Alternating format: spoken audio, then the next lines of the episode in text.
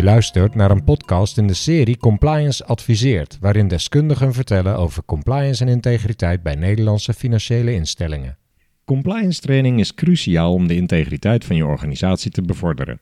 Voor veel compliance officers is het bieden van compliance training onderdeel van hun werk, maar wil je compliance training verzorgen, dan loop je tegen verschillende vraagstukken aan. Hoe leren mensen optimaal?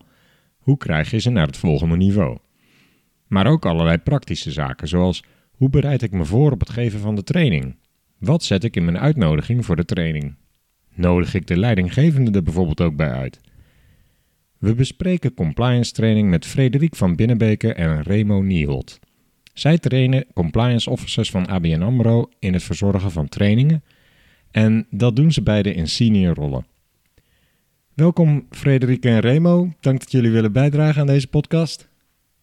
Ja, uh, leuk om hier te zijn. Uh, Erik, uh, dank voor de uitnodiging. Absoluut, dankjewel Erik. Wat is volgens jullie eigenlijk, om maar meteen met de deur in huis te vallen, het belangrijkste doel van compliance training? Remo? Ik denk dat het uiteindelijk gaat om gedragsverandering. Het liefst wil je zeg maar, je trainingsdoelen koppelen aan wat je als organisatie wil bereiken. En daar past bepaald gedrag bij van de medewerker. En dat is eigenlijk wat je door middel van leren en opleiden zou willen bereiken. Oké, dus gedragsverandering. En hoe organiseren jullie die compliance trainingen bij ABN AMRO? Dat doen we als team. Hè? Dus uh, we hebben in principe iemand die helpt bij de logistiek. In de trainingswereld is dat iemand die bezig is met de planningen, met de groepen, met de uitnodigingen. Maar daarnaast hebben we ook learning experts. Hè? Dus uh, ikzelf, maar ook Remo zijn daar uh, nou, de juiste mensen voor. En die hebben wat meer verstand van het leren zelf. Hè? Hoe organiseer ik een training? Maar je hebt natuurlijk ook gewoon draagvlak in de organisatie nodig. Dus compliance management team, maar ook ja, je stakeholders in de organisatie. Dat hele samenspel maakt dat je een goede training kunt organiseren binnen een organisatie. Mm En voor welke doelgroepen bieden jullie compliance training? Remo, kan jij daar iets over vertellen? Eh, zeer zeker. Ja, eigenlijk uh, hebben we twee hoofddoelgroepen die we onderscheiden. Namelijk gewoon alle collega's binnen de bank. Daar bieden we onze trainingen, opleidingen, workshops, e-learnings. Nou, je hoort het al, we hebben een heel scala aan uh, wat wij dan noemen leeroplossingen of leerinterventies. Daar gaan we zo nog verder op in. Zeker. Maar daarnaast hebben we ook uh, specifieke aandacht voor onze eigen compliance collega's. Om die ook te helpen uh, hun taak zo goed mogelijk uit te kunnen voeren. En dat zit dan zowel aan de inhoudskant, hè, dus up-to-date blijven over nieuwe wetgeving die eraan komt. Maar het zit ook op de vaardigheidskant. Dus hoe breng je je boodschap over naar de collega's binnen de bank om daar uiteindelijk weer, en dan komt hij weer terug, die gedragsverandering te werkstelligen. Moet je zelf compliance officer zijn voor het geven van compliance training? Ja, het helpt wel natuurlijk. Ja, dus als je inhoudsdeskundige bent, en dan voel je je meer zo bij de inhoud. Maar het is net zo belangrijk dat je ook de skills hebt, dus de vaardigheden, om een goede training te geven. Dus daar hoort ook een bepaalde mate van extravertheid bij, ook een beetje moed en lef. Dat is wel belangrijk om een eh, goede training te kunnen geven. En de luisteraar zal waarschijnlijk al zijn opgevallen dat we het hier niet over de e-learnings hebben, maar echt over de classroom training. Welke rollen vervullen jullie daar nou precies zelf in? Uh, wat is jullie functietitel en sinds wanneer doen jullie dat? En wat is jullie achtergrond? Kunnen jullie daar iets meer over vertellen? Eerst Remo? Ja, dat is goed. Um, nou, ik werk nu uh, eh, 2,5 jaar bij ABN AMRO Bank in de rol van senior expert op het gebied van learning and awareness. Sinds kort ook als eh, lead van de Compliance Academy binnen ABN AMRO. Daarvoor heb ik gewerkt voor de Nederlandse Bank. En ook in, de, in dezelfde uh, hoedanigheid, maar dan voor een academy die breed was binnen de Nederlandse Bank. Ja, dat was intern. Jullie trainen intern. buiten. Ja, nee, nee, dat was intern gericht ook. En dat ging erover om bijvoorbeeld de toezichthouders op te leiden op allerlei aspecten waar ze mee te maken hebben. Dat ging van ook compliance gerelateerde onderwerpen, maar ook naar financieel gerelateerde onderwerpen. Mm -hmm. uh, zoals bijvoorbeeld uh, kredietrisico. En daarvoor heb ik als consultant gewerkt voor allerlei organisaties binnen en buiten Nederland. Ook op het gebied van van leervraagstukken. En zelf ook heel veel trainingen gegeven. Uh, onder andere trainer-trainers, maar ook hoe maak je opleidingen en beleidsplannen. Hoe zorg je ervoor dat leren kan bijdragen aan de cultuurverandering binnen je organisatie. Dus nou, dat soort type vraagstukken ben ik uh, voor mijn tijd uh, mee bezig geweest. Mhm. En gevraagd uiteindelijk om bij ABN AMRO Bank aan de slag te gaan. En dat leek me een hele leuke uitdaging om daar dan ook weer een academy op te zetten. Omdat een academy een vliegwiel kon zijn om tot verandering te komen. Ja, je zegt Academy. We komen zo nog op Frederik, maar de Academy eerst even. Wat is dat precies? Kun je daar iets meer over vertellen? Kijk, op het moment dat je, dat je zegt van ik wil echt dat, dat we met leren gaan bijdragen aan de verandering binnen de organisatie. En dat betekent dus hè, je doelstellingen behalen, uh, weer vertaald naar gedrag van de medewerkers. Uh, dan is het heel erg behulpzaam om daar een, een academy voor op te zetten. Soms wordt het ook university genoemd, academy, school kan ook, maar in ieder geval een interne hub waarin je zegt van daar hebben we aandacht voor het leren binnen de organisatie. En in ons geval is dat dan gefocust echt op de compliance risico's. En dat betekent dat je het ook op die manier gaat organiseren. Dat er een, bijvoorbeeld een bestuur bij komt kijken die met uh, bepaald op basis van data die aangeleverd worden van wat zijn de prioriteiten voor de komende tijd. Hè, waar gaan we ons op focussen als het gaat om, uh, om het aanbieden van, van, van leeroplossingen omdat er natuurlijk heel veel speelt in de organisatie. En je kan niet alles doen. Je kan ook niet mensen elke dag trainen. Want uiteraard ben je in ons geval dan een commerciële organisatie. Dus je hebt je ook gewoon je day-to-day job. Maar je wil wel met elkaar dat je dat op een, een goede en integere manier doet. Nou, daar kan je dus een, een academy voor gebruiken. Om daar dus gerichte leerinterventies op in te zetten. En ja, wat ik net al zei, krijg je dus hè, dat, dat er een bestuur bij komt kijken, een curriculum of meerdere curricula. Uh, hè, voor bijvoorbeeld verschillende business lines of verschillende doelgroepen binnen, binnen de organisatie. Daarnaast kijk je ook naar de opzet van je team. Dus inderdaad, Frederik noemde dat al aan het begin. Hè, dat er iemand is die de organisatie kan verzorgen. Uh, dat je bijvoorbeeld iemand hebt uh, die ook trainingen kan verzorgen. Dat je onderwijskundigen in huis hebt die kunnen helpen om een inhoudelijke vraagstuk zo goed mogelijk op te lossen naar een leeroplossing. Dus dat zijn allerlei elementen die daarbij komen kijken. En dus een visie op leren. Hè, hoe vind je dat mensen zich kunnen ontwikkelen op dit gebied van, van compliance in ons geval. Dus dat zijn de aspecten die bij zo'n academy komen kijken. Het is echt een bewuste hub die je inzet om tot verandering te komen. En dat bestuur houdt zich ook bezig met bijvoorbeeld deze leerdoelen willen we op deze manier uh, aanpakken. Bijvoorbeeld met een e-learning of een classroom training. Of gaat dat uh, gedetailleerd? Ja, nee, dat, dat is meer echt aan de experts. Maar wat we voorleggen is dat je natuurlijk gewoon heel, heel veel vragen krijgt. Of vanuit de organisatie zelf, van help ons ergens bij. Of vanuit data ziet dat er iets ergens mogelijk niet goed gaat. Waarvan je zegt van nou, dat, dat willen we met elkaar uh, proberen te veranderen. Ja. Dan is de zoektocht wel soms van ja, moeten wij zelf als teamje dat met elkaar bepalen van wat is belangrijk om aan te pakken? Of zou het ook goed zijn omdat dat de klankborden met zo'n uh, academy bestuur die helpt de strategische doelstellingen van de organisatie te vertalen naar oké, waar willen we prioriteit op, op leggen, zeg maar. Wij hebben ongetwijfeld luisteraars die niet in zo'n grote organisatie werken als ABN, maar we hebben vooraf al besproken, ook wat we verderop in deze podcast bespreken, is ook relevant voor juist de eenpitter of de dus dat voor de luisteraar even ter geruststelling, want dit klinkt heel serieus aangepakt natuurlijk ja, dat is wel de intentie die we erbij hebben. Heel mooi. Kijk, ik denk als je als, op het moment dat je uh, spreek voor een kleine organisatie. Eigenlijk wat wij, wij doen niks anders met een bestuur dan een klankbord hebben. Dus reflecteren van gaan we de goede kant met elkaar op. Ja, dus ik kan me voorstellen, zelfs ook al werk je alleen als compliance officer en heb je het totale pakket aan uh, zaken die je moet doen, is het natuurlijk altijd goed om met iemand in de organisatie, het zij een manager van een business line, het zij een directeur van een bepaald onderdeel, te klankborden van ja, uh, wat is er nu nodig en wat, wat past bij de next steps die we willen zetten. Ja, want die mensen in dat klankbord bij jullie zijn ook niet per se alleen maar learning awareness figuren, maar echt ook uh, business managers. Ja, dat is in, in, ons geval is dat het uh, MT, dat is het management team ja, ja. van compliance, dus uh, voorgezet door de Chief Compliance Officer. Mm -hmm. En er zitten eigenlijk gewoon alle ja, MT-leden bij van compliance. Dus dat kan okay. van, van de datatak zijn binnen compliance, maar het kan ook zijn van, vanuit de verschillende business lines, eindverantwoordelijke op het gebied van compliance. Ja. Oké. Okay. Ja, dan komen we nu bij Frederik met de achtergrond en de functie. Ja. Ik werk sinds 2018 bij ABN AMRO. Bij ABN AMRO richt ik me vooral op online leren en op uh, financial crime. En in de toekomst uh, wat meer op de compliance officer zelf. Ik heb hiervoor als onderwijskundig consultant gewerkt voor een uh, klein adviesbureau in, in, Utrecht, Savant. En daarvoor ja, ontzettende mooie klanten gewerkt, zoals de Belastingdienst, Rijkswaterstaat, ING. Dat was mijn eerste kennismaking met de financiële wereld. Dat was een wereld waar ik me goed thuis voelde, dus toen ABN AMRO op de stoep stond, was het wel gelijk een ja voor mij. En bij ING heb ik ook voor de eerste keer kennis gemaakt met uh, KYC CDD. De eerste keer toen ik die opdracht kreeg, dacht ik, wat, wat voor wereld ben ik terechtgekomen? Het is, ja, het is een wereld die je eerder gewoon ja, qua terminologie niet, niet, niet veel tegenkomt. En ja, ik vond het wel, wel ja, machtig interessant om dat eigen te maken en, en van toegevoegde waarde te zijn voor, voor ING in dit geval. En daarvoor heb ik voor een internationale handelsorganisatie gewerkt. Dat is Pon Holdings. Uh, misschien bij de meeste mensen bekend uh, van de merken Audi en ja. En Skoda en dat soort, dat soort merken. Dus, en een human resource management achtergrond. Dus tijdens de studie ontdekte ik al, ik vind de ontwikkeling van mensen het meest interessant. Ja. Nou, je ziet wel dat dus, zoals we in het begin al zeiden, is het nodig om een compliance officer te zijn om een compliance training te geven. Je merkt wel dat, dat met de achtergrond die jullie hebben, je in principe meerdere onderwerpen kunt coveren, zeg maar. Ja, ja absoluut. absoluut. En ik denk dat dat ook echt de kracht is van de learning expert. hè. En, en, en, en laten we zeggen, een medio learning expert, die is gewoon in staat om, om complexe informatie snel eigen te maken. Dus die, die weet gewoon in principe hè, welke stappen moet ik ondernemen om tot een goede opleiding te komen. Hm. En dan maakt het onderwerp niet altijd heel veel uit. Hè, dus dat kan MIFID zijn, dat kan eh, anti-bribery and corruption zijn, dat kan e-mail zijn. Nou, noem ze allemaal. Maar je hebt Ja. natuurlijk wel die inhoudelijke deskundigheid nodig om te weten welke vraag je daarover moet formuleren. Dat, Ja, absoluut. absoluut. hè. Je werkt wel waar haal jij dat vandaan? Ja, op twee manieren. hè. Op het moment dat ik eh, bijvoorbeeld een training organiseer, dan kijk ik natuurlijk wel naar een compliance officer, eh, officer die liefst een beetje ervaren, die interessante cases heeft gezien waarmee we samen een training kunnen ontwikkelen, of waarmee we samen een training kunnen geven.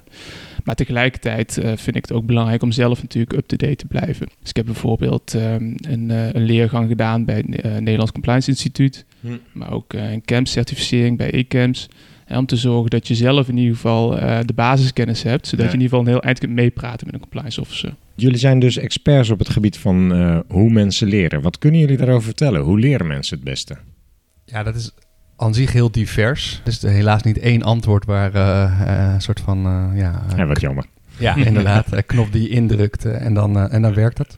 Wat er wel ook weer fijn aan is voor ons, is dat, eh, dat je daardoor wel je, je expertise kwijt kan. Hè? Want als het één knop zou zijn, dan, eh, dan zou het heel, heel makkelijk worden. Dus daarom is het ook echt een complex vraagstuk, eh, wat echt vraagt om goed over na te denken. Dat is ook wel eens lastig in, ehm, in organisaties, omdat je vaak toch gevraagd wordt om een quick fix te leveren. Van hè, lever maar een product A, want dan hebben we het probleem nou, in ieder geval afge- afgevinkt of getackeld. Maar helaas werkt het niet altijd zo, zeker niet als je echt effect wil bereiken. Hangt het ook nog van de materie af? Dat je de ene keer meer aan moet werken en de andere keer puur kennis?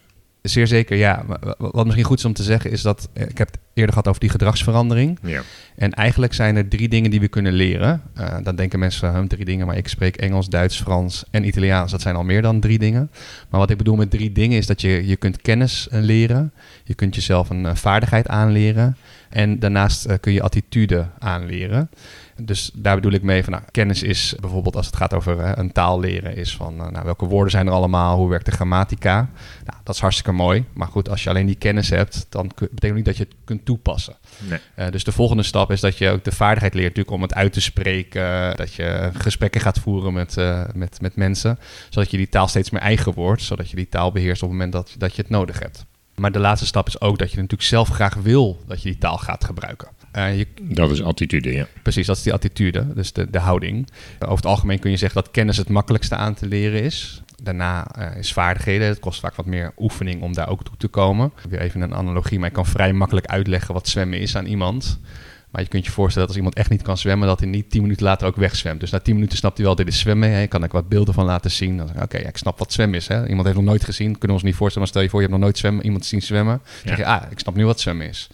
Maar als ik iemand dat ook wil leren, heb ik echt wel meer tijd nodig. Dat gaat niet in diezelfde 10 minuten leren, eh, lukken. Maar op het moment dat iemand het niet wil, dan zal het heel lastig worden om nou, die persoon ook dat gedrag of aan te leren of daarna continu te laten vertonen. Is er dan toch een manier om iemand het te laten willen ook? Nee, die, die is er niet echt. Hè. Dat, Nee. dat komt veel meer neer op verleiding. Maar er zijn wel eh, middelen die natuurlijk ook belangrijk zijn om wel iemand te laten inzien waarom het belangrijk is.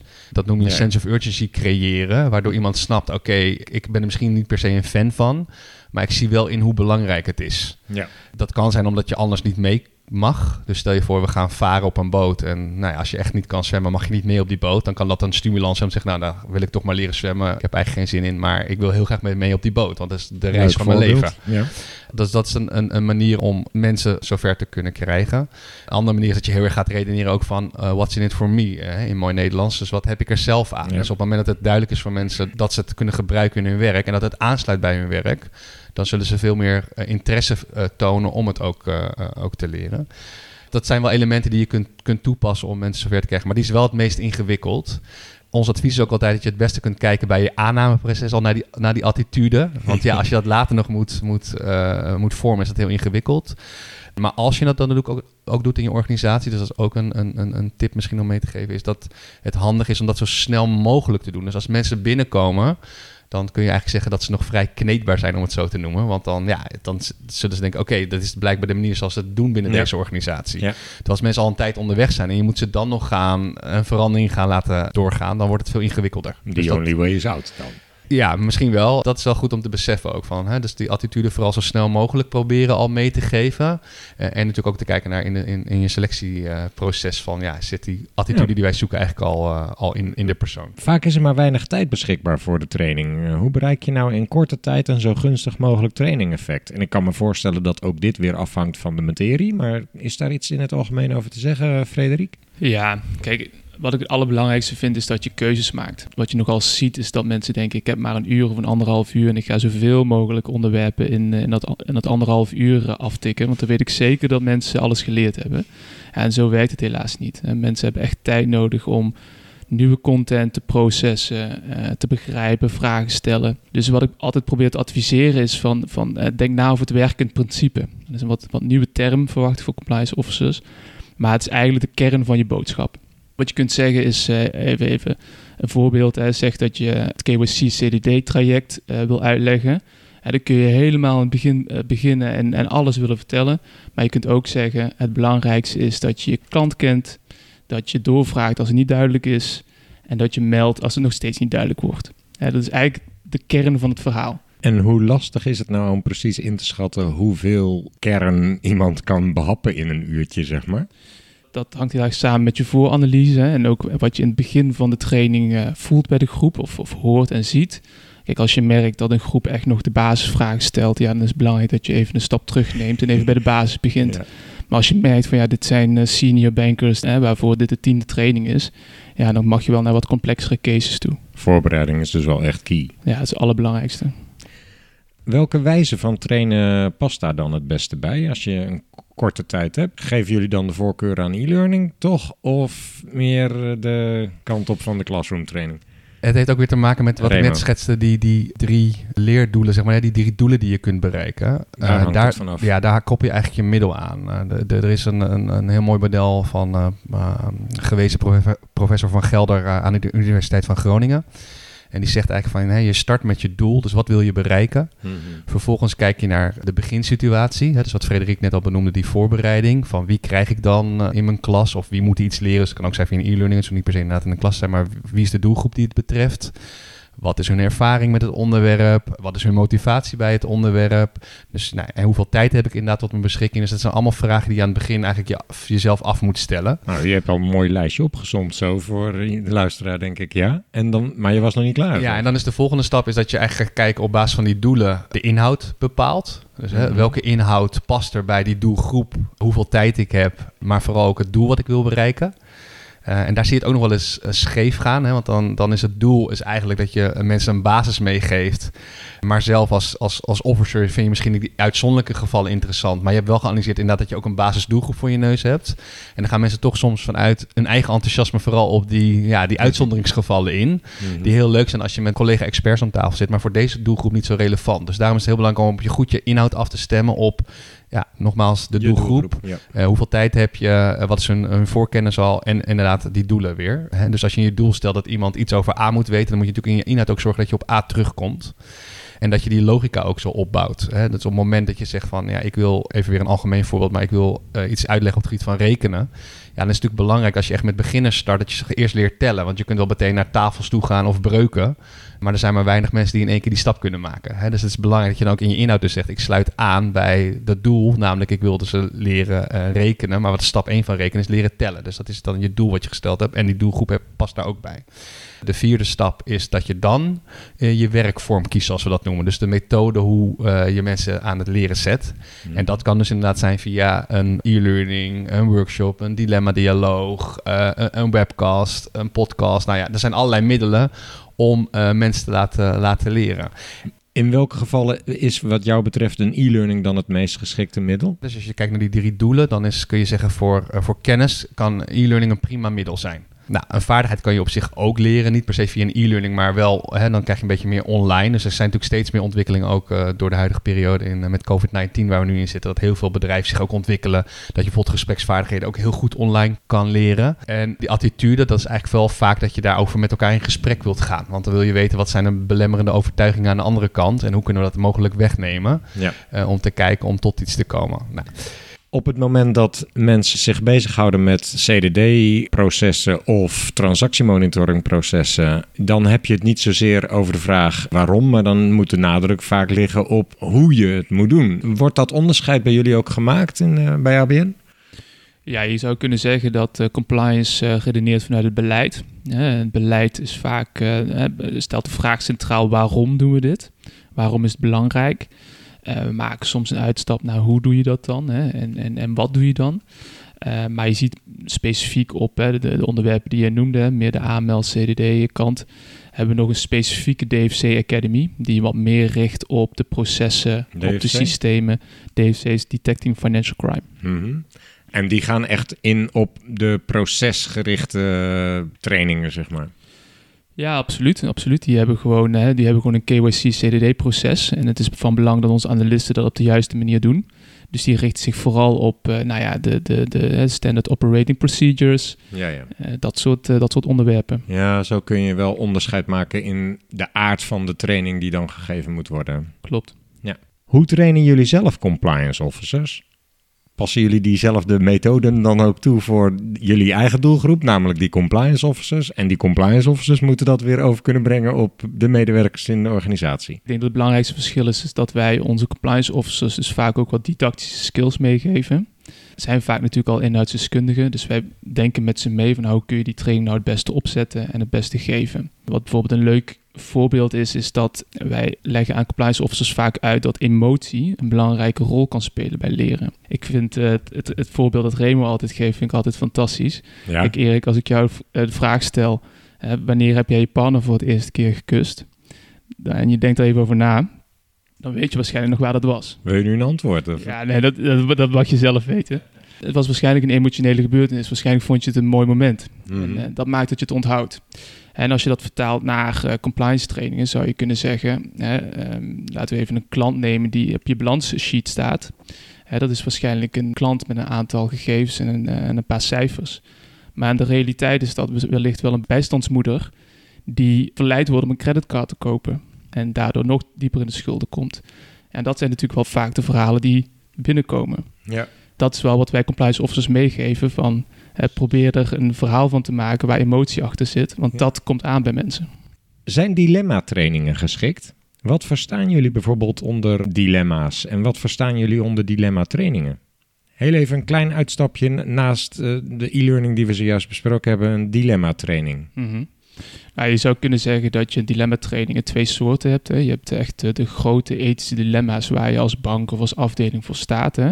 Gaan wij als afdeling wel in de wapenhandel zitten of gaan wij als afdeling wel in olie en gas uh, handelen? Dat zijn wat grotere ethische dilemma's. Tegelijkertijd heb je ook de wat kleinere dilemma's. Hè? Dus uh, ik ben in gesprek met een klant die weinig weet van beleggen, maar wel zelf graag risicovol wil beleggen.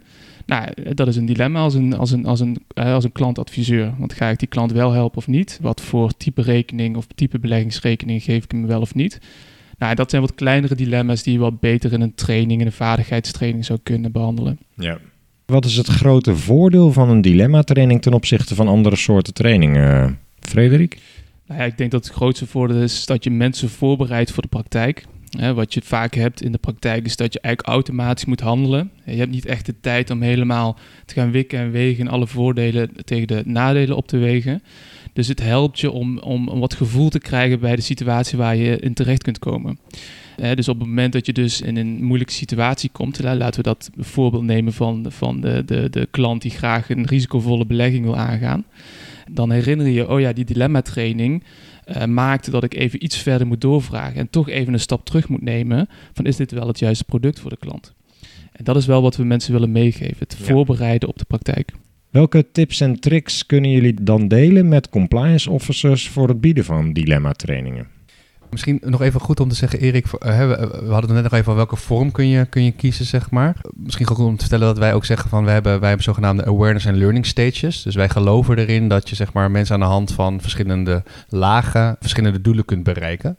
Dus eigenlijk het liefst lopen, doorlopen wij zo'n heel pad. Dus we starten met mensen aware maken. En dat kan bijvoorbeeld via online berichten op het intranet, via posters die je ophangt. Uh, nou, allerlei middelen om mensen aware te maken. Zodat in ieder geval mensen weten, ah, dit is blijkbaar een belangrijk onderwerp. Hè, bijvoorbeeld de poortwachtersfunctie voor een bank. Ah, blijkbaar moeten wij er iets mee als, eh, als bank. Mhm. Dat is hoe we, hoe we starten. Daarnaast zeggen we van, we willen dat mensen het begrijpen. Dus niet alleen maar denken, oh, poortwachter blijkt belangrijk, maar wat het precies is, weet ik niet. Dus dat leggen we uit en dat doen we dus vaak via een e-learning. De volgende stap is dat we heel graag willen ook dat mensen het zo goed mogelijk leren toepassen. Want ja, fijn als je eenmaal aware bent. Goed dat je het dan ook snapt. Maar uiteindelijk, ja, als je tot die gedragsverandering wil komen, moet je het toepassen. Want als je niks laat zien, dan, dan zie je geen gedragsverandering. dus dat doen we vooral door middel van, van, van workshops. En de laatste stap die we met elkaar hebben gedefinieerd is dat we zeggen van uh, we willen heel graag dat mensen een soort van ambassadeur worden. Dus hè, in de organisatie ervoor zorgen dat, dat het verder gaat leven en dat mensen enabled worden om het, om het goede te doen. En wat we dan belangrijk vinden om terug te keren naar jouw vraag van hè, hoe zit het dan met die dilemma's en, en, wat voor praktische tips zijn daarvoor. Wat we eigenlijk altijd proberen inderdaad in elke workshops is gewoon casuïstiek toe te voegen. Nou, dat kun je ook een dilemma noemen, hè, want een casus wordt interessant als er iets schuurt. Nou, dat is in dit, uh, in dit geval vaak een, uh, vaak een dilemma. En wat daarin belangrijk dus is, is dat je uh, probeert dat zo goed mogelijk aan te laten sluiten bij de praktijk. Want dan kom ik weer bij wat we al eerder besproken hebben. Op het moment dat het niet goed voelt van, ja, wat kan ik hiermee, wat heb ik hieraan? Ja, dan wordt het heel lastig om mensen te overtuigen waarom het zo belangrijk is om ja. ja tot die gedragsverandering te komen. Dus op het moment dat iemand bij retail werkt, is het heel belangrijk dat iemand dat herkent en dat het een retail case is en niet bijvoorbeeld een grote internationale klant waarvan je denkt van, ja, maar dat soort klanten komen we in onze tak van sport niet tegen dat zijn belangrijke, uh, is een belangrijk element om ervoor te zorgen dat, uh, dat, dat het goed aansluit. Als ik het goed begrijp, je geeft geen dilemma-training puur om gewoon samen een dilemma te bespreken, maar het moet wel echt aansluiten bij de praktijk van de, degene die de training volgt. Ja, en wat je uiteindelijk daar eigenlijk mee wil bereiken, want dat is natuurlijk altijd de eeuwige vraag van, hebben we genoeg tijd? Hè? Inderdaad, in, bijvoorbeeld in zo'n anderhalf uur om echt tot die gedragsverandering te komen. Maar wat eigenlijk altijd key is, is wat wij noemen reflection before action leren reflecteren. Dat wil je eigenlijk, dat wil je eigenlijk bereiken. dat mensen reflecteren op: oké, eh, is dit het goede wat ik doe? Zowel qua regelgeving als misschien vanuit een ethisch perspectief, maar misschien ook uh, vanuit een commercieel perspectief. Wat ben ik hier aan het doen en is dat het juiste wat ik doe? En dat wil je aanzetten. En dat, dat soort dingen zijn lastiger aan te zetten via awareness of e-learning, want het is toch wat meer eendimensionaal. Uiteraard, als je een goede boodschap neerzet, dan, dan triggert het ook iets en denk je van, oh ja, hoe doe ik dat zelf eigenlijk? Mhm. Maar vooral werkt het nog sterker als je met mensen in gesprek kunt gaan over, oké, maar wat betekent dat dan voor jou? Hoe verhoudt het zich tot, tot jouw taken? Waar loop je zelf tegenaan? Wat vind je zelf lastig? Nou, als je daar aandacht voor hebt, dan is dat iets wat heel goed, eh, goed werkt. Um, en daar hebben we ook eh, binnen onze organisatie uh, veel ervaring mee, dat mensen dat ook enorm waarderen. Als ze zeggen van, nou ja, maar waar, waar worstel je zelf mee? En zo kijken of we dat eens met elkaar kunnen, kunnen afpellen en op kunnen reflecteren. Maar dat lijkt misschien ook wel het moeilijkste, want dat kun je niet echt, uh, als je kennis overbrengt, ja, die kennis kun je eerst helemaal tot je nemen en dan effectief overbrengen. Maar als iemand komt met een dilemma waar je zelf eigenlijk ook niet direct een antwoord op hebt, dat is best een uitdaging. Daar, hoor je dat compliance officers daarmee worstelen in de praktijk? Nee, niet specifiek. Wat ik wel nog interessant vind is om te belichten, is dat, dat kijk, even als je even eh, inzoomt op de skills van een compliance officer of een trainer voor de groep, is wat je merkt is dat compliance officers zijn soms wat bang voor weerstand. Hè? Oh god, dan ga ik straks weer naar de business en dan vinden ze het helemaal niks en ze branden me helemaal af. Mhm. En wat wel interessant is met leren, is dat juist die weerstand, het daar zit leren. Even als voorbeeld, als een groep in gesprek gaat, en dan steekt iemand zijn hand op en die zegt: Ja, maar wacht even, bij mij in de praktijk gaat het helemaal niet zo. Ik ga mensen helemaal niet precies uitleggen wat er in het beleid staat. Ik ben bezig met het product te verkopen. Dan is dat juist het punt waar je als compliance officer op mag inhaken. Ah, interessant Erik, vertel eens verder. Hè? Wat zegt die klant dan? Mhm. Ah, oké, dat is dus die, hè, dus het is die klant die, die risicovol wil beleggen, maar er niks van snapt. Ah, interessant. Nou, maar juist vanuit MIFID is het dus belangrijk dat je dus in gesprek gaat met de klant om te zorgen dat het product ook daadwerkelijk passend is. Ja, dan kun je direct aansluiten op waar die, ehm, ja, die leerling mee komt. Precies. Hoe noemen jullie trouwens die mensen die een training volgen? Deelnemers. Deelnemers, Ja. oké. Ja. Eh, Ja, dat is, wel, dat is wel interessant, Erik, dat je dat zegt. Want dat is wel een belangrijke term. Want heel vaak wordt ook ge- gebruikt, zeg maar, eh eh, toehoorders. Of, en dat is wel interessant, want eigenlijk wil je mensen activeren in een leersituatie. dus deelnemer is Ja. een belangrijke term. Ja, want anders krijg je zeg maar inderdaad woorden als publiek. Nou, En dan is het veel meer statisch. Ja. En juist bij leren is het belangrijk dat er geactiveerd wordt. Dus daarom inderdaad is een, een deelnemer altijd wel eh, Leuke interessant. toevoeging. eh, ja, Goede interessante term. toevoeging, ja. Ja, ja. Dan gaan we verder met de praktische kant van de compliance training. Hoe zou je als compliance officer nou je moeten voorbereiden op het bieden van een goede compliance training? Allerbelangrijkste is dat je heel scherp hebt wat je doelgroep is, hè, wie je doelgroep is. Uit wat voor mensen bestaat het, wat is hun voorkennis, wat is hun ervaring, wat is hun ervaring met het onderwerp. Hè, dus dat je heel scherp voor ogen hebt voor wie je het doet. En tegelijkertijd, en dat is net zo belangrijk, is wat wil je precies bereiken. Want dat is ontzettend belangrijk, want als, op het moment dat je in een training gaat en je merkt dat de discussie een andere kant op gaat, dan is het dus als trainer heel belangrijk dat je scherp pakt op het punt waar je naartoe wil. Want je hebt vaak 10, 12, misschien wel meer deelnemers in een groep die altijd vanuit hun eigen ervaring praten. Dus wat je wil is dat de elementen die zij noemen, die benadrukken, die naar voren halen en daarop voortborduren. Zodat je eigenlijk steeds met die end in mind die training aan het verzorgen bent. Al die voorbeelden van de deelnemers zijn interessant, maar je hebt een bepaald punt te maken. Namelijk doorvragen als je niet snapt bij de klant. Passend product bieden als, eh, als het te risicovol is. Dat is je kernboodschap, dat is je doel. Dat moet je in je achterhoofd houden, Ja. zodat je je trainingsdoel bereikt. En merk je nou in de praktijk dat mensen mm, eh, hulp nodig hebben bij het scherp formuleren van dat trainingsdoel? Want ik kan me voorstellen dat mensen toch vaak de neiging hebben om veel te breed te willen, veel te veel te willen in een training. Ja, dat is een van de meest lastige vraagstukken. Wat wil je nou eigenlijk bereiken? Eh, Ja. dat, is, dat is altijd lastig, zelfs voor ons als in, in een expertrol, hè, om je af te vragen wat, wat wil je nou eigenlijk bereiken? Ja. En het risico is ook dat je veel te veel en te snel wil, omdat je zelf al veel verder bent. En eigenlijk de aanname doet automatisch van, nou, dat kan ik, kan ik hè, de anderen ook wel, eh, wel bieden. En omdat je soms ook bang bent eh, om, om fouten te maken, niet volledig te zijn. Nou, dat, dat, dat zijn allemaal elementen. Dat, dat is niet per se voor de compliance officer zo, maar dat is gewoon voor iedereen zo die een, een training aanbiedt. Ik kan me wel voorstellen dat de twee dingen die je zei, je afstemmen op de doelgroep en nadenken over wat je wil bereiken, dat dat een hele belangrijke samenhang heeft. Want als je weet hoe je doelgroep erin zit, dan kan je denk ik makkelijker bepalen wat je met die doelgroep dan wil bereiken. Dat is absoluut het belangrijkste. En ehm, met name ook keuzes durven maken, net zoals in, eerder in de podcast ook vertelde. Ja. keuzes durven maken, omdat je gewoon ja, vaak eh, de tijd niet hebt eh, en de ruimte om, eh, om heel veel te doen. Dan heb je die stap gehad. We, we hebben een, de doelgroep besproken en we hebben een doel bepaald. Dan moet er een uitnodiging gaan komen en je, je regelt een zaaltje. Nou ja, dat, dat hoeven we allemaal niet te bespreken. Maar wat moet er in die uitnodiging? Ja, uitnodiging is natuurlijk een ideale kans als een soort van eerste kennismaking met, met de doelgroep. Hè. Dit is het eerste bericht dat de doelgroep eh, ziet van jou. En het is natuurlijk heel helder als je daar al een stukje, of heel goed als je daar een stukje van de, de scene al weet te zetten. Dus dat je eh, daar al heel scherp stelt van wat je eigenlijk wil bereiken tijdens de training. En met welk programma je dat in grote lijnen wil doen. Maar het is ook een uitgelezen kans om bijvoorbeeld al wat referentiemateriaal mee te sturen. Want in, in, in organisaties loop je toch hè, tegen het probleem aan dat je, dat je beperkte tijd hebt. En mensen hebben toch wat meer tijd nodig om dingen echt te laten beklijven. Dus wat je dan doet is, je stuurt het eh, bijvoorbeeld een week of twee weken van tevoren... stuur je al interessante papers, dat mensen dat al kunnen doornemen... zodat ze al gaan kouwen over de inhoud. Oké. En daarmee wordt je training ook veel interessanter En effectiever, ja. en effectiever. Ja. In stap 1 dacht je na over dat doel. Mhm. Dat doel hou je dus niet voor jezelf. Dat geef je ook al mee in de uitnodiging en in de inleiding van de bespreking. Je mag daar heel open over zijn. Ja, absoluut. Je hebt geen doel achterhand van dit is eigenlijk wat ik wil bereiken. Nee. Nee, nee, En, en dat, dat is wel een interessante vraag, want dat, dat hoor ik heel vaak, zeg maar. Ik, ik loop nog wat langer in deze wereld rond, dus niet alleen bij ABN AMRO Bank, maar ook bij andere trainer-trainers die ik, eh, die ik aanbood. Bijvoorbeeld dat mensen zeggen, ja, maar dan weten ze al wat ik wil gaan vertellen. en dan heb ik niks meer te vertellen. Ehm, nou ja, het, het interessante is dat dat juist helpt om mensen te focussen, want mensen krijgen heel veel informatie tot zich hè, eh, de hele dag vanuit allerlei hoeken. Dus als jij jouw boodschap belangrijk vindt, dan is het belangrijk om dat moment al te pakken en zeggen, nou hier gaan we het dus over hebben. Duidelijk. Dat is een enorm belangrijk iets. En, en daarnaast heeft Frederik noemt iets interessants, hè, het activeren van de voorkennis, zoals wij dat dan noemen. Bijvoorbeeld door het meesturen van een interessant artikel. Wat daar ook weer heel belangrijk in is, is dat je niet alleen maar zegt van nou, ik stuur alleen het artikel mee, maar eigenlijk probeert daar meteen al een reflectievraag aan te koppelen. Dus als je dit leest, wat raakt jou dan het meest in dit artikel? Of als je dit leest, wat herken je dan in je eigen praktijk? Of als je dit leest, wat zou je zelf nooit doen, zoals het in dit artikel omschreven staat, uiteraard afhankelijk van de inhoud eh, van het artikel. Vraag je dan deelnemers ook die antwoorden mee te nemen naar de training? Ja. ja.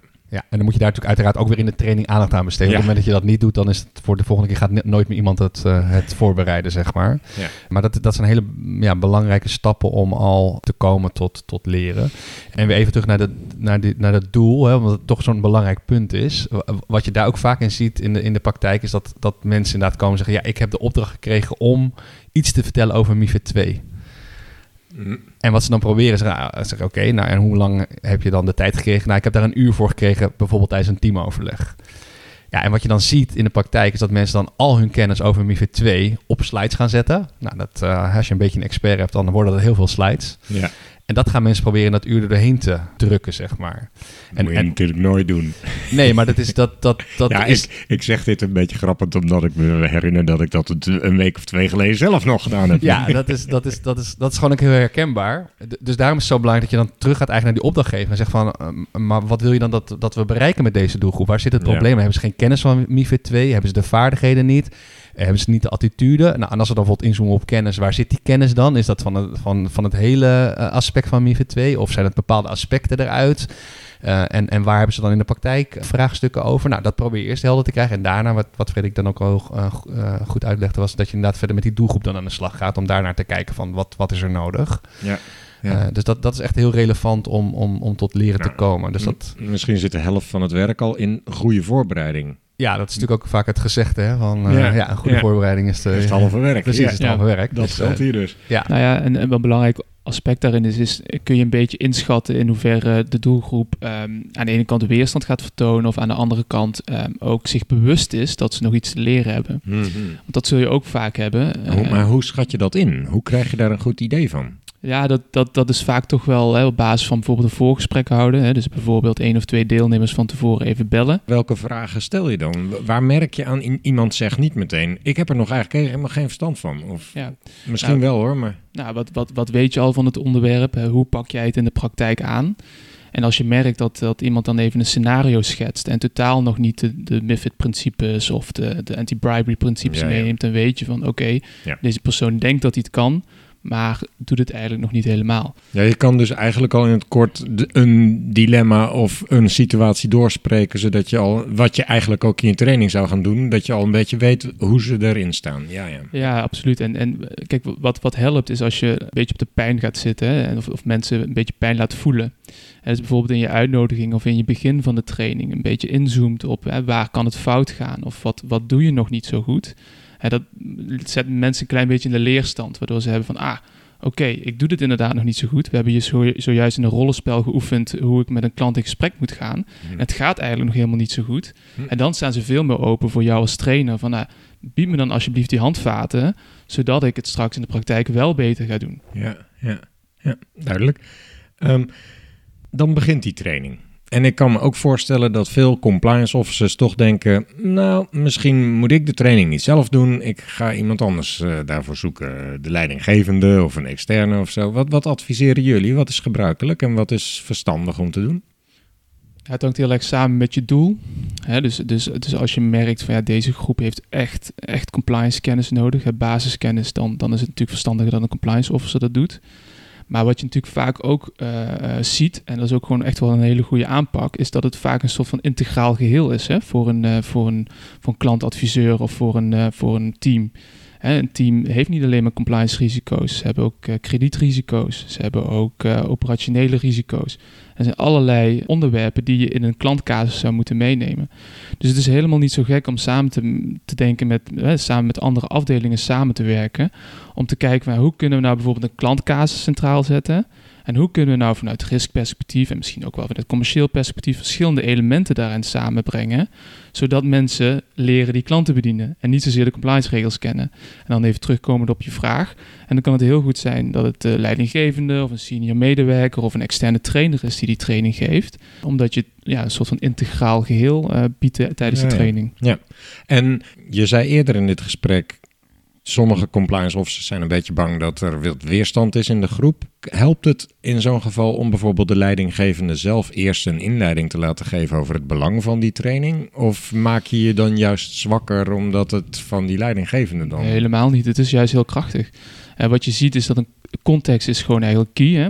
Dus eh, stel dat Remo als leidinggevende eh, zelf nooit een training volgt en eigenlijk leren helemaal niet belangrijk eh, vindt. In zijn, zijn Ik- in daar, deze zie ik, daar situatie. zie ik hem wel voor aan. Ja, precies. Hè? Dus in deze situatie onmogelijk. Maar eh, stel dat hij daar totaal geen oog voor heeft, dan sta ik ook niet in een leerstand hè, als teamlid. Dus wat je wil is een stukje context creëren dat de, de leidinggevende laat zien deze training is belangrijk. En ik wil, is, zit hier ook om te leren. Dat zijn de beste leidinggevenden die dus meegaan naar de training Ja, ja. en zeggen: Ja. Ik ben hier ook om te leren. Ja, en, en, en sterker nog, Erik, het start misschien al bij de uitnodiging. Ja, stuur je die zelf als compliance officer? Ja, goeie. Of laat je de direct manager bijvoorbeeld zo'n bericht sturen? Want eigenlijk wat, wat je wil is natuurlijk dat je, hè, als compliance zijn we ervoor om met elkaar te zorgen dat we het, het goede doen. En daarom word je eigenlijk een soort van uitgenodigd als het ware om daar een, ik noem het even, een probleem op te lossen. Want er is te weinig kennis over een bepaald onderwerp. Nou, dan is het natuurlijk hartstikke mooi als je geïntroduceerd wordt van nou, wij constateren met elkaar dat we te weinig kennis hebben.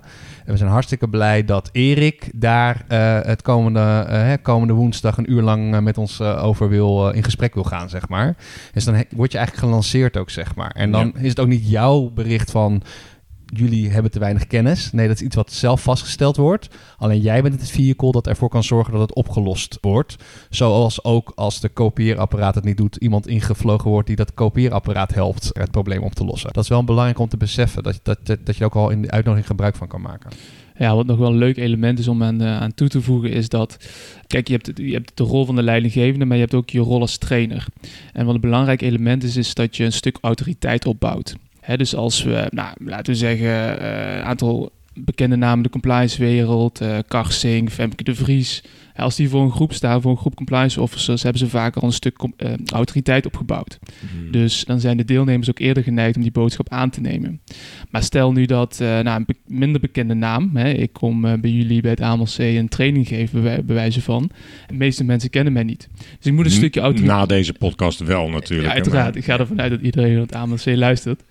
Dus nee, maar dan is het belangrijk dat ik een stukje autoriteit opbouw. Dus dat ik vertel van ja, eh, ik eh, werk inmiddels bijna tien jaar in, dit, in het learning vak. Laatste drie, vier jaar bij, bij compliance, bij ABN AMRO. Verschillende casussen gezien. In gesprek geweest met compliance officers.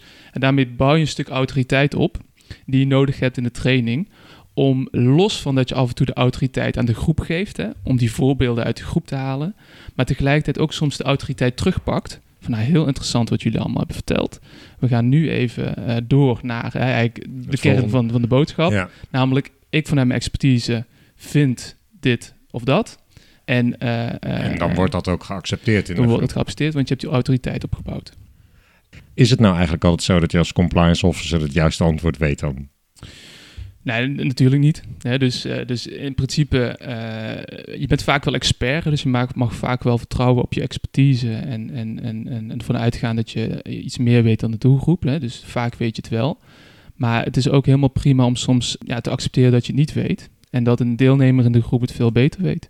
Dat is juist heel krachtig. Hm. Je moet alleen waken voor de, de, de, de, de, de mensen in de groep die, die continu het beter weten. Mhm. Daar moet je wel op de juiste manier mee omgaan. Dus die, die moet je op zich wel ruimte geven, maar ook niet te veel. En soms moet je ook voor kiezen om diegene even in de pauze eh, even één op één te nemen. Van nou ja, En su- gewoon, gewoon uitschoppen. nou, dat niet. Niet, maar, maar, maar ik zou lekker eh, even met hem in gesprek gaan. Ik, vind, ik geef je af en toe het podium. Super mooi.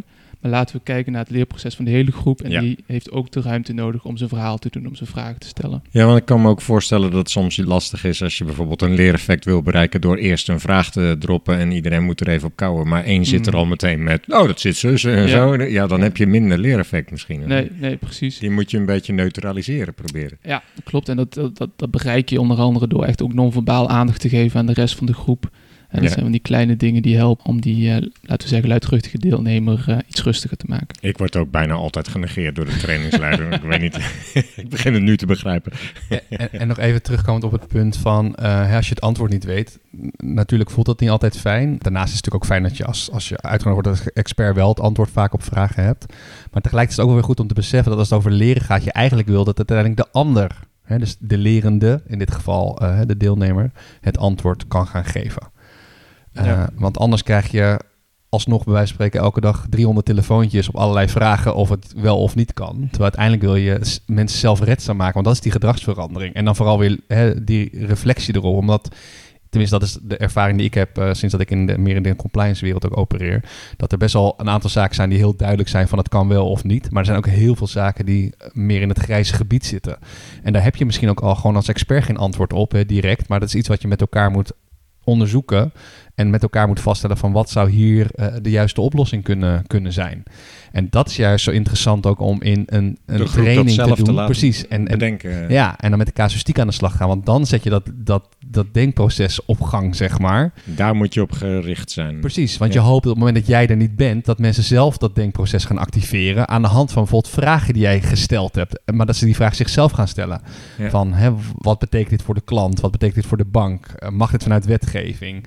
Wat zijn hier verdere positieve of negatieve eh, consequenties van? Dat is wat je aan wil zetten. Niet zozeer ja of nee bijvoorbeeld, maar veel meer die trigger van Ik kan me ook voorstellen dat het vaak wat, eh, wat moed vergt om jezelf zo'n vraag te durven stellen. En ook te vertrouwen op dat je daar zelf een antwoord op kunt verzinnen.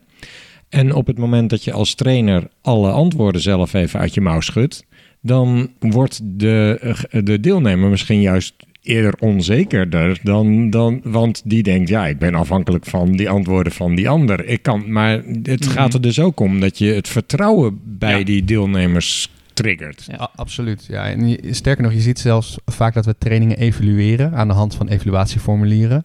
Al dan niet eh, offline of online. En daar zijn vaak vragen, wat vond je van de trainer? Nou, eh, daar speelt sociale wenselijkheid een hele grote rol. Eh, als ik heel aardig doe als trainer, dan vindt de groep mij waarschijnlijk ook aardig. De vraag is alleen of mensen dat ook echt zelf geleerd hebben. Want eigenlijk wil je misschien wel een trainer op, hè, weliswaar op een respectvolle manier. Maar iemand die ja, waarvan je eigenlijk wegloopt denkt van nou, ja, het schuurde. Maar wel misschien na drie maanden denkt, hé, hey, het kwartje is gevallen. In plaats Ja. van iemand die zei van, nou, je hebt het hartstikke goed gedaan. Terwijl die misschien denkt van, nou, die kan er nog steeds niks van. Maar ik zeg maar hartstikke goed, want dan heb ik een goed evaluatieformulier. Ja, ja. Maar dan help je die ander niet, niet mee, zeg maar. Hè, En het nogmaals op een respectvolle manier, Mhm. eh, in, in, in leerveiligheid. Want je wil die ander wel verder brengen, dus je wil ook niet iemand afbranden. Maar je wil eigenlijk wel iemand confronteren. Want als je dat niet doet, dan, dan, dan, dan ben je daar niet bij, bij gebaat, zeg maar. Dus dat is echt een heel belangrijk... Dat is eigenlijk je... En je moet je afvragen, dat vragen we ook in onze eigen trainer-trainer aan de, aan, de doel, aan de doelgroep die we dan voor onze neus hebben. Maar wat is jouw toegevoegde waarde als trainer daar? Ja. Jouw toegevoegde waarde zit er vooral op dat je die anderen tot, eh, tot leren aan kan zetten. Door goede vragen te stellen, door te reflecteren, door complimenten te geven. Door te zeggen van nou, dit kan nog wel even een tandje beter. En laten we het nog een keer proberen. Waar zit die verbetering dan in? Of juist zeggen hartstikke goed, ga zo door. Hè, dat vertrouwen mee te geven. Dat is je toegevoegde waarde als, als trainer. Niet zozeer dat jij die, die kennis in je hoofd hebt. Nee. Dat is natuurlijk een belangrijk om in je rugzak te hebben om de juiste informatie te kunnen aanbieden als het nodig is. Maar vooral die ander aan het leren te zetten. Ja, en nog, even door te gaan op, ehm, op dat stuk kwetsbaarheid, wat je net noemde, Erik. Hè, van, van, het is best wel moeilijk om jezelf zo'n vraag te stellen en daar open te zijn als deelnemer. Ik heb ooit eens een keer een training eh, gevolgd, volgens mij was het in de buurt van Zeist. Er was een trainer die stond eh, voor de groep met letterlijk een liniaal in zijn hand. En die stond de hele training, nou ja, te vertellen, te vertellen. En die stond nog net niet met, eh, met zijn liniaal op de tafel te slaan. Het werd op een gegeven moment echt hilarisch dat ik zat daar met collega's en ik dacht, wat gebeurt hier? Maar als je kijkt naar je rol als trainer en het stukje kwetsbaarheid creëren, creëren dat mensen het kwetsbaar opstellen, dan heb je als trainer ook non-verbaal gewoon een hele grote rol. Dus even, we hadden het net over autoriteit opbouwen en autoriteit weggeven. Eh, alleen al als trainer gaan zitten, hè, dus nadat je een verhaal hebt verteld, vervolgens gaan zitten, wat achteroverleunen, een beetje rondkijken in de groep, letterlijk niks zeggen, maakt dat een groep wil gaan nadenken, wil gaan inbrengen, Ja. hè, dus Ja. durft te reflecteren. Dat zijn ook de, de soort tips die jullie het compliance officers geven voor trainingen. Ja. Ja, absoluut. Ja, en, en andere, soms zit het in hele kleine details. Hè? Ehm, eh, vaak vanuit juist mensen gerust willen stellen, zeggen trainers dan: wat we nu gaan doen is niet zo moeilijk. Het is eigenlijk best wel makkelijk. En ze bedoelen dat niet verkeerd. Ze willen eigenlijk zeggen van, nou ja, het is niet zo, dus maak je geen zorgen, het komt wel goed. Maar wat je daar ook impliciet mee uit kan stralen, is als iemand het wel moeilijk vindt in de groep, wordt de drempel om je hand op te steken en te zeggen van Mhm. nou ja, ik vind het wel heel moeilijk om met dit soort situaties om te gaan, alleen maar groter. Ja. Dus inderdaad kwetsbaarheid door aan te geven dat het is best ingewikkeld. Sterker nog, ik heb er gisteren ook nog een fout in gemaakt. Op het moment dat je je ook op die manier openstelt, en dat is, dat is die lastigheid. Aan de ene kant, eh, waar Frederik het eerder over had, moet je die autoriteit pakken door aan te tonen van hè, wat je ervaring is en, en hoe goed je er misschien al in bent. Tegelijkertijd, als je, als je mensen wil helpen in het leerproces, kan het, is het juist ook heel krachtig dat je zelf aangeeft van ja, ik worstel hier ook nog steeds mee. Eh, of ik heb hier ook ooit mee geworsteld. Dus ik, ik, dat, dat snap ik, hè, dus daar heb ik begrip voor. Mhm. Eh, ik ga ook niet zeggen dat het makkelijk is, want het kost ons wel wat tijd. Maar ik vertrouw er wel op dat we er met elkaar gaan komen. Dat zijn echt de toegevoegde waarden van de trainers. En nou ja, wij zeggen ook wel eens wel heel, ehm, ehm, misschien een beetje eh, eh, streng, maar op het moment dat je zegt van ja, ik kom alleen maar mijn verhaal vertellen en je moet bijvoorbeeld 50 groepen afdraaien, dan hebben wij altijd de beste tip voor mensen. Zeggen we, neem het gewoon één keer op. Dan hoef je ook niet de andere 49 groepen te draaien, want dan laat je gewoon iedereen diezelfde video zien. Als dat alleen maar jouw verhaal is, Als dat het doel ook is. precies, dan is dat Ja. prima. Ja, en dan is het zonde om Kan, system... het kan natuurlijk. Het kan prima werken. En dat is natuurlijk eigenlijk een beetje de vorm van e-learning. Hè? Ja. webcast. Je zegt, oké, nou dat is het. En daar, daar kan je naar kijken. Luister maar naar mijn verhaal. Precies. En dan, dan kun je natuurlijk ook allemaal hele goede dingen uit leren. Dus dat betekent niet dat je daar niet uit leert. Maar op het moment Mhm. dat je echt zegt van, ik wil echt ja, die, die, die, die toepassing aanzetten. Ja. Dan is het heel goed om dus vanuit die casuïstiek en dat te gaan verkennen. Ja. En dan zul je ook merken, hè, ik kreeg zelf ook wel eens de vraag toen ik nog echt als consultant ehm, nou ja, meerdere trainer-trainers per maand gaf. Van ja, vind je dat dan niet saai, elke keer dezelfde training? Eh, nee, want op het moment dat je met mensen in dialoog gaat, komen er toch elke keer weer andere vragen. Dus inderdaad, de theorie die ik uitlegde hè, was vrijwel elke keer hetzelfde. Mhm. Al leer je er ook weer elke keer in hoe je dat op een betere manier kan uitleggen, eh, hè, wat wel en niet werkt. Dus da- daar probeer je natuurlijk jezelf in, in te verbeteren. Maar de theorie aan zich blijft natuurlijk hetzelfde. Maar het zit er vooral in dat mensen andere vragen hebben, met andere eh, eh, dingen worstelen. En dat, Ja. dat Ja. maakt elke training toch eigenlijk elke keer wel weer anders, zeg maar. En het ontwikkelt zich misschien ook wel. eh, wetgeving wijzigt. De situatie van de medewerkers wijzigt ook. Eh, als trainer kom je misschien ook verder. Dus tot dieper inzichten misschien. Ehm, en eh, nu als ehm, ervaren podcast-host denk ik dat het verstandig is om een beetje naar de afronding van deze podcast te gaan werken. zeker. Ik wil nog wel graag vragen, hoe weet je nou als trainer of je doel bereikt is?